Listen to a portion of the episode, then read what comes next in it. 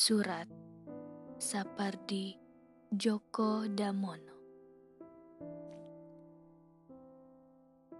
Tolong sampaikan kepada Seno bahwa suratnya sudah kuterima.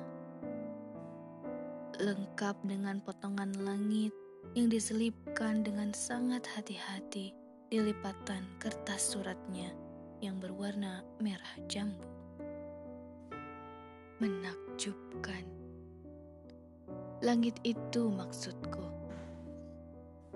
Dan warna surat itu mengingatkanku pada masa remajaku ketika kami suka menghubung-hubungkan warna dengan maksud tertentu yang disembunyikan di balik surat itu. Sepotong langit, serpihan mega yang mengambang sedikit ujung bukit yang kena gunting, dan beberapa ekor burung yang kebetulan melintas dan tak bisa menghindarkan diri dari guntingannya itu. Sambil terus melihat lembaran potongan langit itu, aku melongo ke jendela dan kusaksikan sungguh bahwa langit yang di luar sana masih tetap biasa utuh, lengkap dengan awan putihnya, sempurna dengan warna kebiruannya. Dan sesekali dilintasi juga oleh beberapa ekor burung, entah apa namanya. Aku hampir tidak bisa membayangkan apa yang terjadi dengan langitnya. Setelah sebagian digunting untuk diselipkan dalam surat yang dikirimkannya kepadaku ini. Aku membayangkan rasa sakit yang tak ada batasnya yang telah menimpa langit itu. Sementara sebagian pesonanya diambil hanya untuk menyeratkan cintanya padaku. Aku masih perawan, namun sering mendengar dari ibu betapa sakitnya ketika melahirkanku.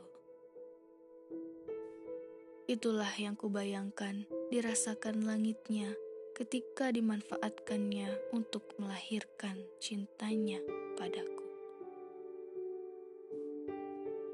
Katakan padanya, apa begitu perlu menggunting seserpih langit itu kalau sekedar untuk membujuk katakanlah memaksa seorang gadis seperti aku ini agar yakin bahwa cintanya seperti langit itu.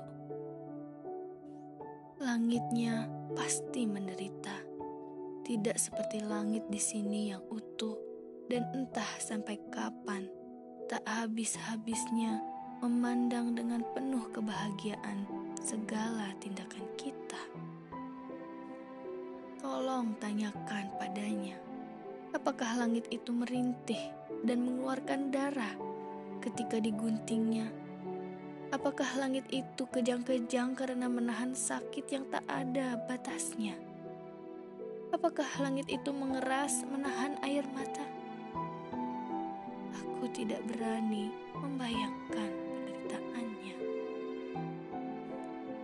Tolong sampaikan pada Seno bahwa aku sudah menghayati cintanya.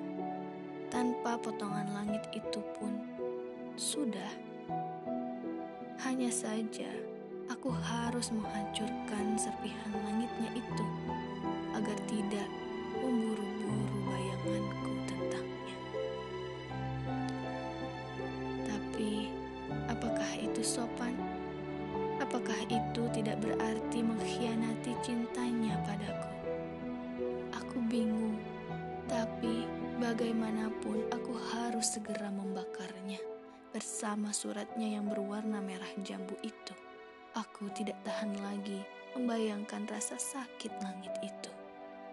Malam ini, ku bawa surat dan gambar itu ke pekarangan sebelah. Tak ada seorang pun saksi. Ku robek-robek surat itu, kunyalakan korek api.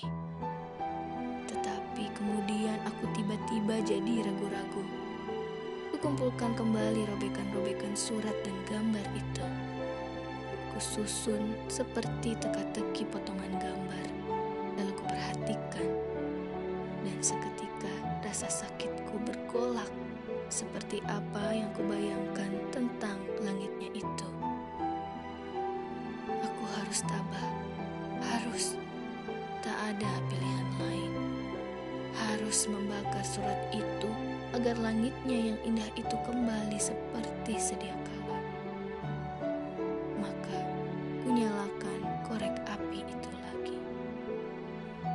Nyala apinya seperti biang lala, merah, oren, kuning, biru, hijau, indigo, violet. Tidak melengkung, tetapi membumbung ke atas. Tetapi tiba-tiba saja aku merasa telah menjadi pengkhianat.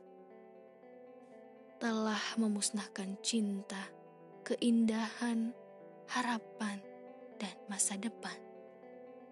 Telah menjadi manusia yang seburuk-buruknya di dunia, yang sejahat-jahatnya, yang entah apa. Aku tiba-tiba berharap agar dari asap itu muncul bayangannya. Bagaikan burung punik yang dengan perkasa melesat dari kobaran api. Aku satukan jari-jari tanganku. Kutengadahkan kepalaku. Ku tatap tajam langitku yang dulu itu juga, yang tidak pernah mengkhianati harapanku. Tetapi api itu tetap membumbung semakin mirip biang lala, dan aku terus menunggu.